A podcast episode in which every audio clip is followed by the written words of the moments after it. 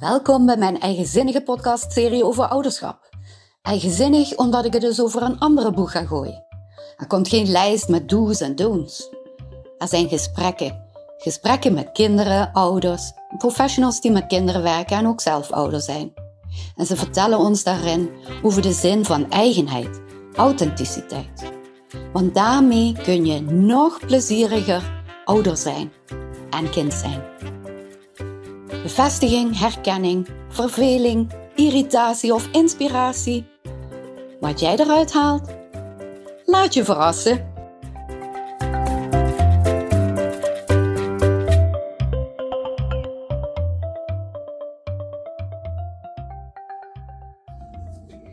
Vandaag geef ik een aantal voorbeeldjes uit de praktijk over wat ik zie en hoor en hoe ik aan de slag ga met kinderen en hun ouders. Bijvoorbeeld, er komt een heel jong kindje onder de vier jaar met verschrikkelijke problemen van obstipatie. Alles is al geprobeerd door de artsen. Ze gebruiken dagelijks van die laxeermiddelen, die overigens helemaal niet verslavend zijn, dus die kun je rustig blijven gebruiken. Beter dan dat je je de darmen vol laat lopen en eh, daardoor een heleboel andere nieuwe klachten erbij krijgt. En dan is het toch handig wanneer een kind uit zichzelf de drang gaat leren voelen om toch naar het toilet te gaan. Ook is het niet zeker of er iets komt of niet. Want stiekem gaat met dat ophoudgedrag een heleboel uh, andere dingen ook opgehouden worden. Of andersom, we weten niet precies wat de kip of de ei is in dit verband. Bijvoorbeeld is een kind eigenlijk geneigd om alles maar bij zich te houden, vast te houden van emoties, van waar het bang voor is of waar het niet goed weet wat het moet doen.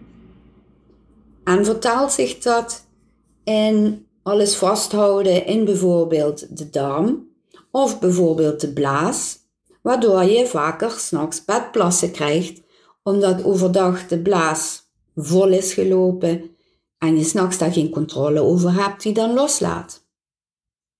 Loslaten is een heel groot thema bij elke mens, hoe klein of hoe groot je ook bent. En eventjes over dat onderwerp. Het kan best zijn dat je kleine kindje, of daarna je groter wordende kind, of jij zelf met een kind nog diep binnen in jou last heeft van nog steeds onverklaarbare pijnen of patronen, zoals slecht naar het toilet kunnen of um, steeds willen weglopen uit moeilijke situaties of onverwacht angstig zijn voor dingen waarvan je door de ogen van een volwassene gezien eigenlijk niet meer bang hoeft te zijn.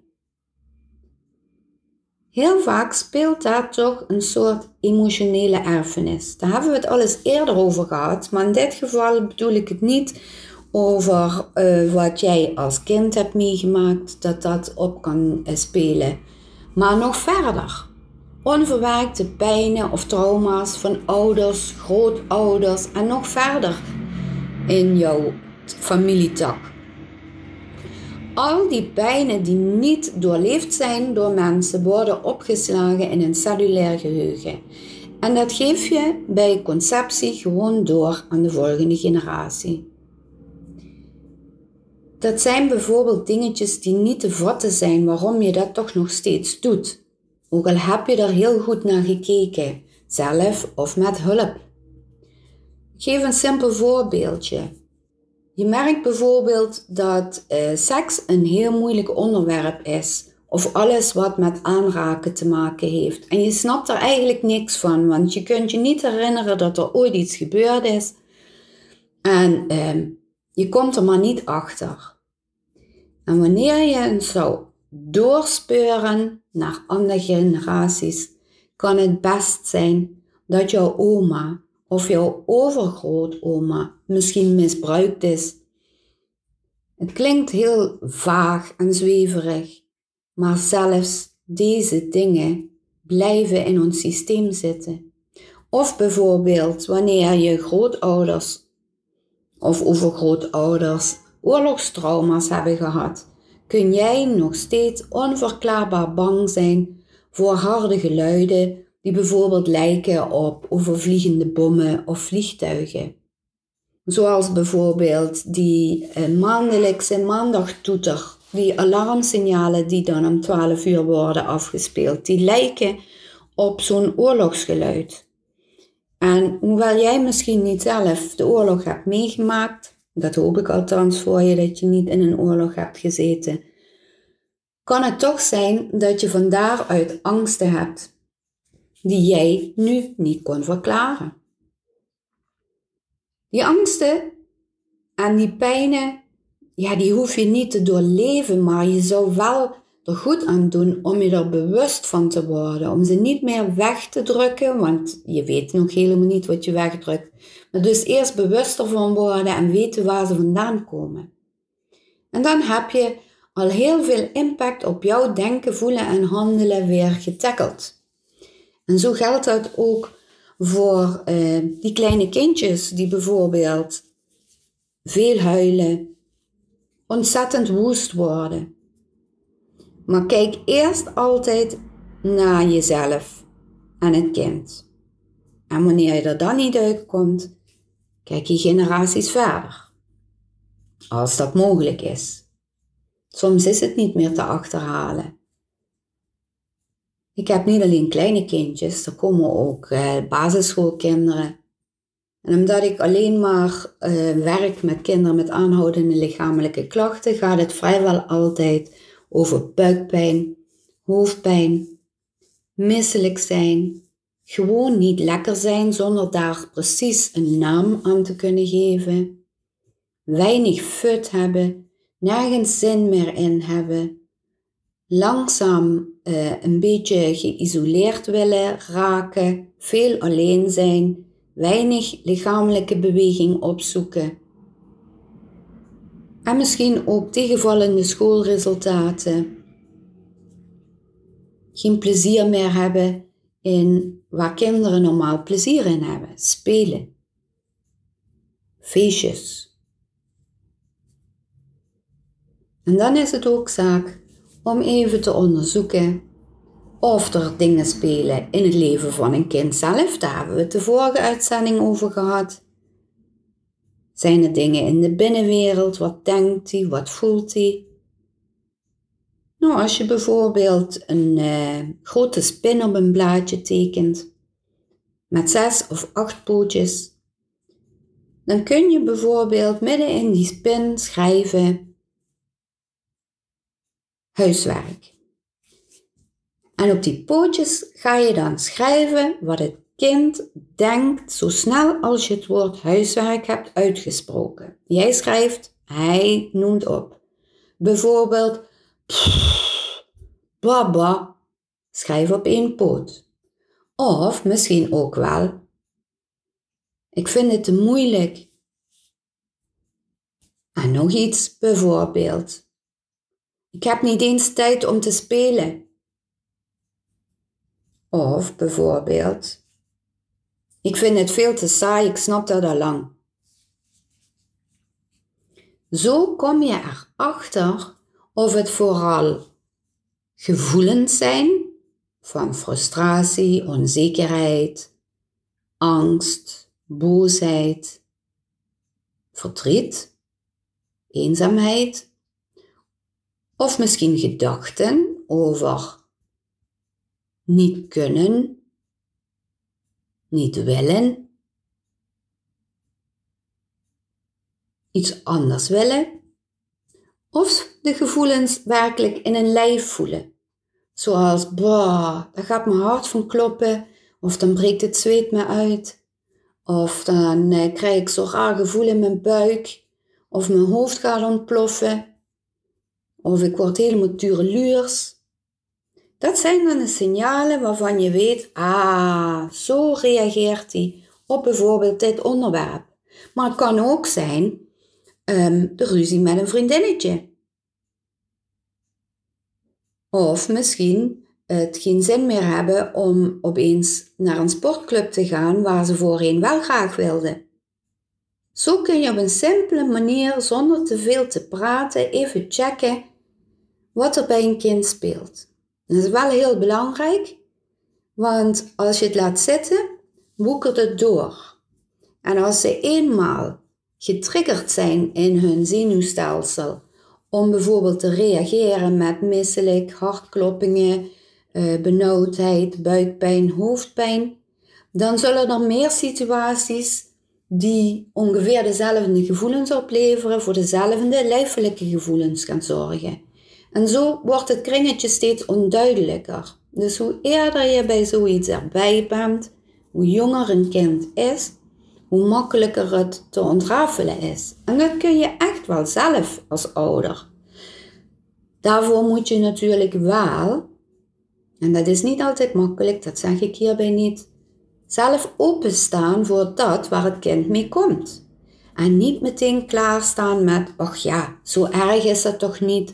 Of uh, is helemaal niet zoveel werk. Als je meteen begint is het zo klaar. Of je bent een slimmerik, jij kunt dat wel. Want dan overrol je het kind en dan voelt hij zich niet begrepen of gehoord. En dan krijg je daar weer een consequentie van, namelijk dat hij de volgende keer niet meer zo snel gaat vertellen wat hij echt denkt en voelt, want je luistert toch niet of je komt toch meteen met een advies. Luister.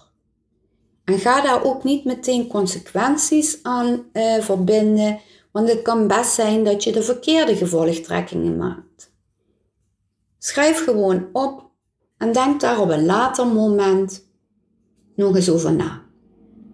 Of wacht misschien eventjes totdat zich een volgende situatie heeft voorgedaan waarin het kind aangeeft zich ook niet zo heel lekker te voelen.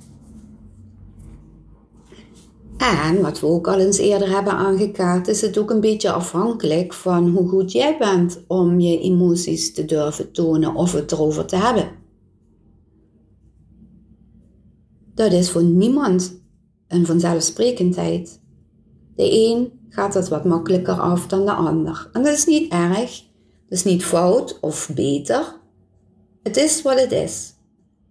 Maar stel je voor dat jij je kind eigenlijk heel goed kunt helpen om alleen maar te kunnen voelen, denken en dan toch op de juiste manier een oplossing te vinden. Daarmee voorkom je dat hij jarenlang in patroontjes van emoties en handelingen verzuipt die niet handig zijn voor hem, waar hij door belemmerd wordt of waarmee hij zichzelf kwetst of anderen. Wanneer je er niet achter komt wat het is, dan kun je het beste wat hulp vragen van een professional. En zoals ik, een hypnotherapeut, is het soms mogelijk om wat makkelijker bij onbewuste gevoelens en gedachten te komen. Maar dat wil ook niet zeker zeggen dat dat klopt. Want zelfs herinneringen stel je als mens in de loop van de tijd bij. Dus ze zijn ook niet meer zuiver. En dat wordt wel eens mooi verkocht als zijnde van eh, onder hypnose kom je te weten wat je geheim was of wat er nog eh, voor probleem, oud trauma zat. Er zal zeker iets opdoemen, maar de vraag is of dat helemaal op de waarde geschat moet worden zoals het geuit wordt. Dus neem alles ook met een korreltje zout. Samen kom je er wel uit. Mocht dat niet lukken, is er nog niks aan de hand, want het is altijd mogelijk om goede dingen te doen voor je kinderen, voor jezelf, waar je meer energie van krijgt. Want dat is natuurlijk wat er aan de hand is als je een lichamelijke klacht ontwikkelt of lusteloos wordt. Er is iets in je lijf bezig dat energie vraagt. Daar gaat die energie naartoe die je eigenlijk kunt gebruiken voor de dingen die jij wil. Werken, studeren, spelen, feesten, plezier maken, genieten. Maakt niet uit waar jij je energie aan wil besteden. Het een is niet beter dan het andere. Maar als er maar dingen zijn waar jij energie van krijgt. En dat zijn dingen die je redelijk weinig moeite kosten. Dat wil niet zeggen dat je er geen moeite voor moet doen, maar waar je in ieder geval heel graag mee aan de slag gaat om ze te leren. En wanneer er een tegenslag of een, uh, ja, een strubbeling komt, je de moeite wil nemen om daar gewoon weer mee door te gaan totdat je het hebt gevonden, dat ei van Columbus. Eigenlijk heeft iedereen best wel zo'n, dat is bewezen, zo'n 15 soorten talenten of eh, glinsteringen kun je het ook noemen, waarmee je jezelf kunt opladen. En hoe je daarachter komt, ja, dat gaat op verschillende manieren. Je kunt bijvoorbeeld eens denken aan waar je als kind, heel klein kind, dus ook jouw kind als heel klein kind, het liefste mee bezig was. Was je bezig met iets creatiefs? Of was je juist bezig met lichamelijke activiteiten? Of was je bezig met um, genieten van muziek of theater of poppenspel? Vond je het leuk om met woorden te spelen? Vond je het leuk om met je handen iets te maken? Vond je het leuk om in de natuur te zijn, om planten te verzorgen, dieren te verzorgen, baby's te verzorgen, oude mensen te helpen, winkeltje te spelen. Al die speelse dingen geven eigenlijk aan waar in jou vanaf het begin jouw talenten zitten jouw glinsteringen, waar jij je energie mee kunt opladen. Ga er naar op zoek. Maar als je dat wil gaan uitproberen, dan is het niet zo dat je vanaf het begin meteen daarvoor beloond wordt. Het kan best zijn dat het even onwennig voelt. Ga dan door en je zult merken dat binnen de kortste tijd je het gevoel in je lichaam en in je hoofd krijgt dat dit is waar je behoefte aan hebt. Ook wanneer je toch gewoon in een drukke baan zit of in een, uh, ja, in een studie die veel tijd kost. Elk mens heeft iets nodig waarmee die op kan laden. En dat hoeft niet passief te zijn, dat kan dus rustig ook een activiteit zijn. Daarvoor heb je dus wel de ruimte nodig en de tijd om dat te gaan uitproberen. En ruimte, daarmee bedoel ik ook figuurlijke ruimte, niet alleen in de planning. Ruimte om fouten te mogen maken, ruimte om niet meteen het goede te doen, of dat hoef je eigenlijk nooit als het daar helemaal niet om gaat. Of om eens een keer, ja, te wisselen en niet meteen te weten wat je echt wil. Of om te huilen en driftig te worden als het niet goed gaat. Daar is trouwens een heel mooi gedicht wat ik hier voor me heb van Elise Verheul. Die heeft dat gemaakt in haar cursus uh, ouderschap. Ik lees het even voor. Maar het geldt net zo goed voor ons als volwassenen als voor onze kinderen. Laat mij Laat mij lekker fouten maken. Laat mij verdwalen en de weg kwijtraken. Laat mij.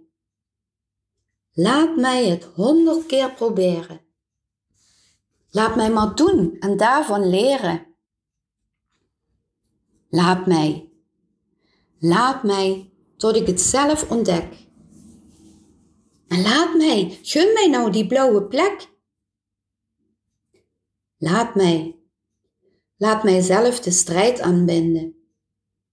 En laat mij zelf de weg weer vinden. Laat mij. Mijn eigen fout is ook een feest. Laat mij. Van flaters leer ik het meest. Laat mij.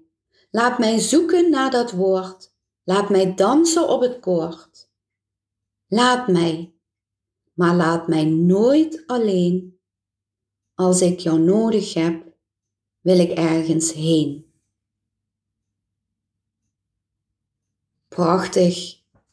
Dit geeft in een notendop aan waar het om gaat. Ruimte, maar ook de veilige thuishaven, de geborgenheid. En dan gaan we nog even terug naar wat voorbeelden. We hadden al een klein kindje gehad die in mijn praktijk komt, basisschoolkinderen. Maar dan krijgen we de leerlingen van 13 tot 25 jaar, zullen we maar zeggen. Of leerlingen vanaf 18 jaar hoef je niet per se meer op een opleiding te zitten.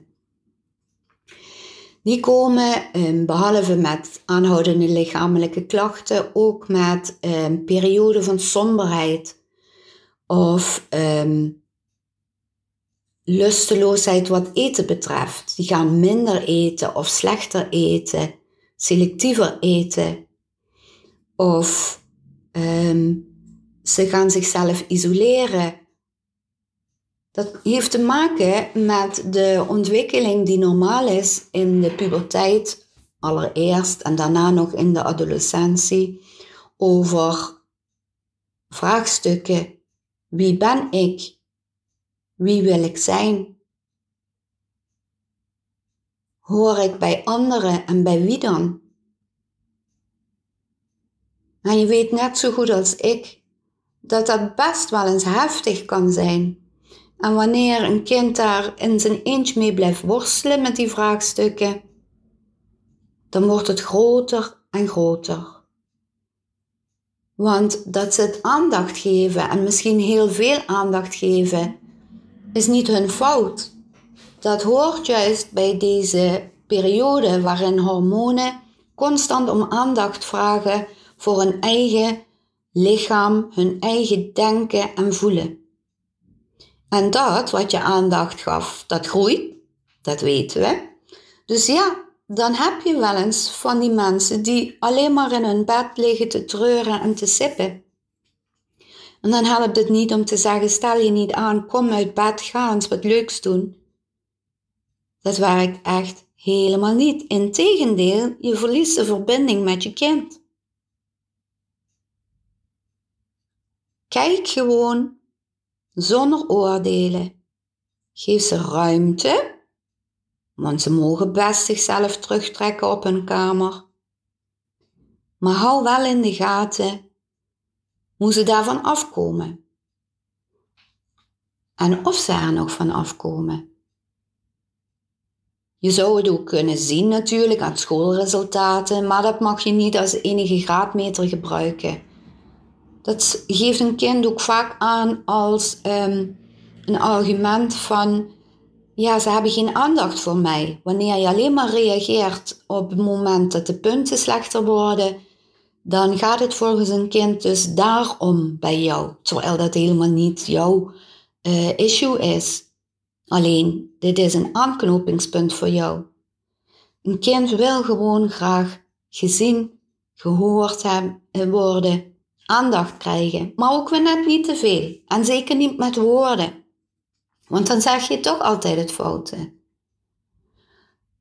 Probeer dan, als je kind wel gevoelig is voor lichamelijk contact, af en toe lekker te knuffelen of te stoeien, of gewoon naast elkaar te zitten, samen een film te kijken. Of gewoon gezamenlijk te eten, gesprekjes te houden. Het kan ook goed in de auto of tijdens een wandeling. Neem je niet voor meteen een onderwerp te bespreken, want ze hebben daar antennes voor en dan haken ze af. Wacht wat een kind aanbiedt en ga daarop in. Met een ik-boodschap. Beschrijf het dan in de vorm van: ik kan me voorstellen dat dat een rot gevoel is. Punt. En ga dan geen, heel, geen hele preek houden. Want jij weet niet wat er precies omgaat in dat hoofd en het lijf van die jongeren van jou. Misschien komt er wel een heel ander onderwerp uit waar ze eigenlijk mee zaten. En dat kan van alles zijn en het hoeft niks zwaars te zijn. Je moet niet meteen denken van ho ho, dadelijk mis ik een trauma. Nee, we gaan ervan uit dat je in een normale situatie het kan zien als ehm, conflicten binnen een kind zelf, die eigenlijk bij de normale ontwikkeling horen, maar omdat dat uitvergroot wordt wanneer je dat in je eentje allemaal probeert te uh, ontrafelen, dat dat uh, het probleem wordt. Niet meteen op hol slaan. En ook zodoende gaan drammen met vragen wat er wel niet aan de hand kan zijn. Dat somber zijn, dat hoort ook bij de normale ontwikkeling. Je hoeft niet altijd blij te zijn, je hoeft ook niet altijd fit te zijn, je hoeft niet altijd zin te hebben in sociale activiteiten of sporten. Laat ze eens even met rust. Maar wanneer dat langer duurt dan zes weken, dan wordt het wel tijd om eens op te gaan letten wat er nou precies vooraf ging aan deze periode. Als je al geen aanknopingspunten hebt gekregen, maak je een soort tijdlijn en dan kijk je van hé, hey, toen dat begon, wat was er toen allemaal bij ons in het gezin of in het leven van het kind aan de hand? Het is ook wel eens zo dat kinderen gewoon stress hebben met jullie omdat je opvoedprincipes hebt waar ze het niet mee eens zijn.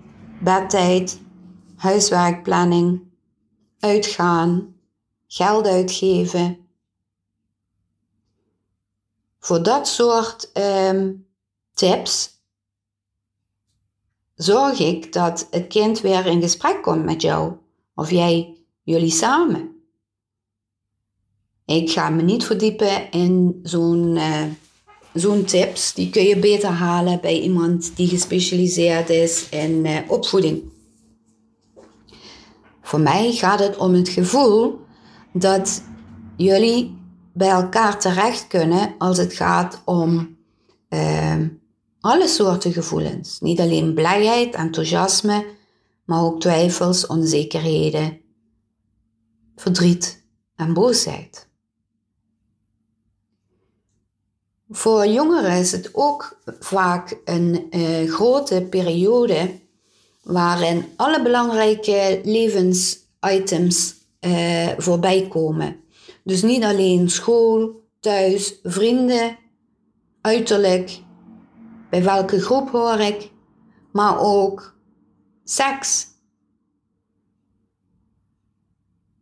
En ben ik nu iemand die op vrouwen valt of mannen of ben ik geen man of vrouw. Alle vragen rondom seksen en seksualiteit.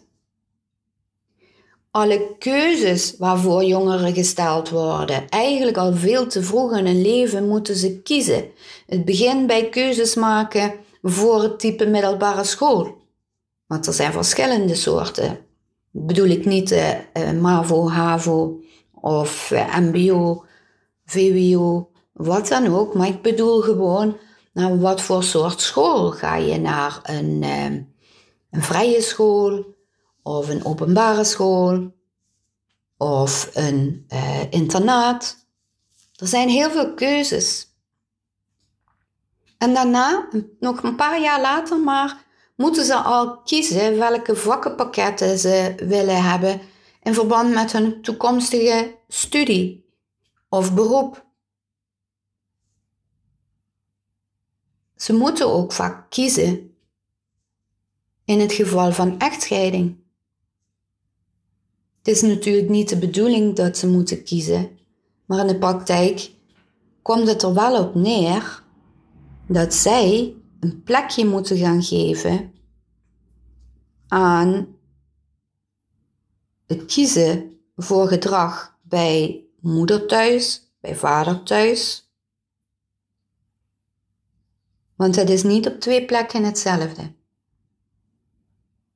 Ze moeten ook kiezen voor hun gevoel dan, hoe ze omgaan met hun loyaliteit. Al die keuzes kunnen een mens, ook een jong mens, gek maken en leiden tot grote passiviteit. Want niks doen lijkt dan even makkelijker dan iets doen. Want je doet het toch nooit goed of je weet niet wat je moet doen.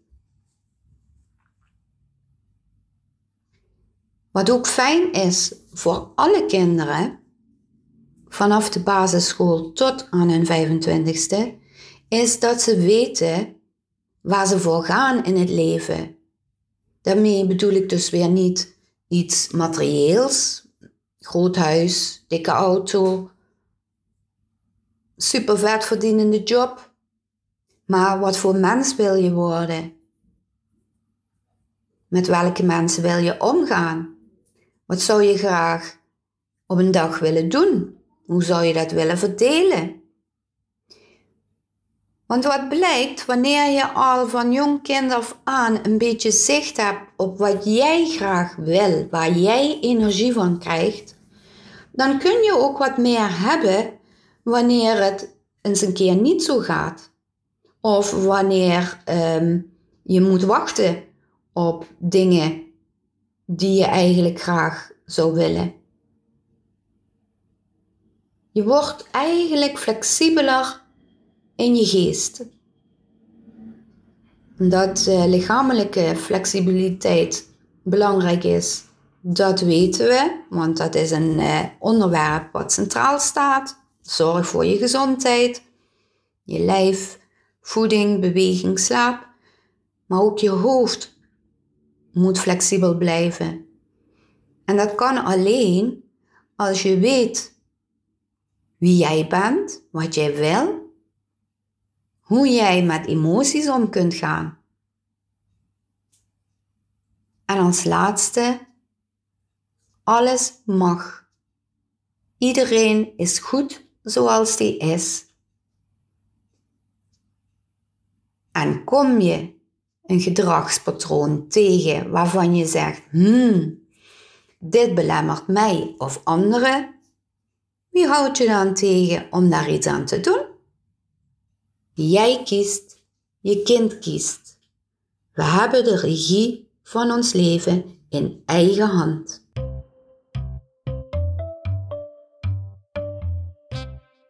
Superleuk en dank je wel dat je luisterde naar deze aflevering. Wil je meer van deze verhalen horen? Abonneer je dan. Je kunt me nog een groot plezier doen door andere mensen attent te maken op mijn luistermomenten. Graag tot de volgende keer.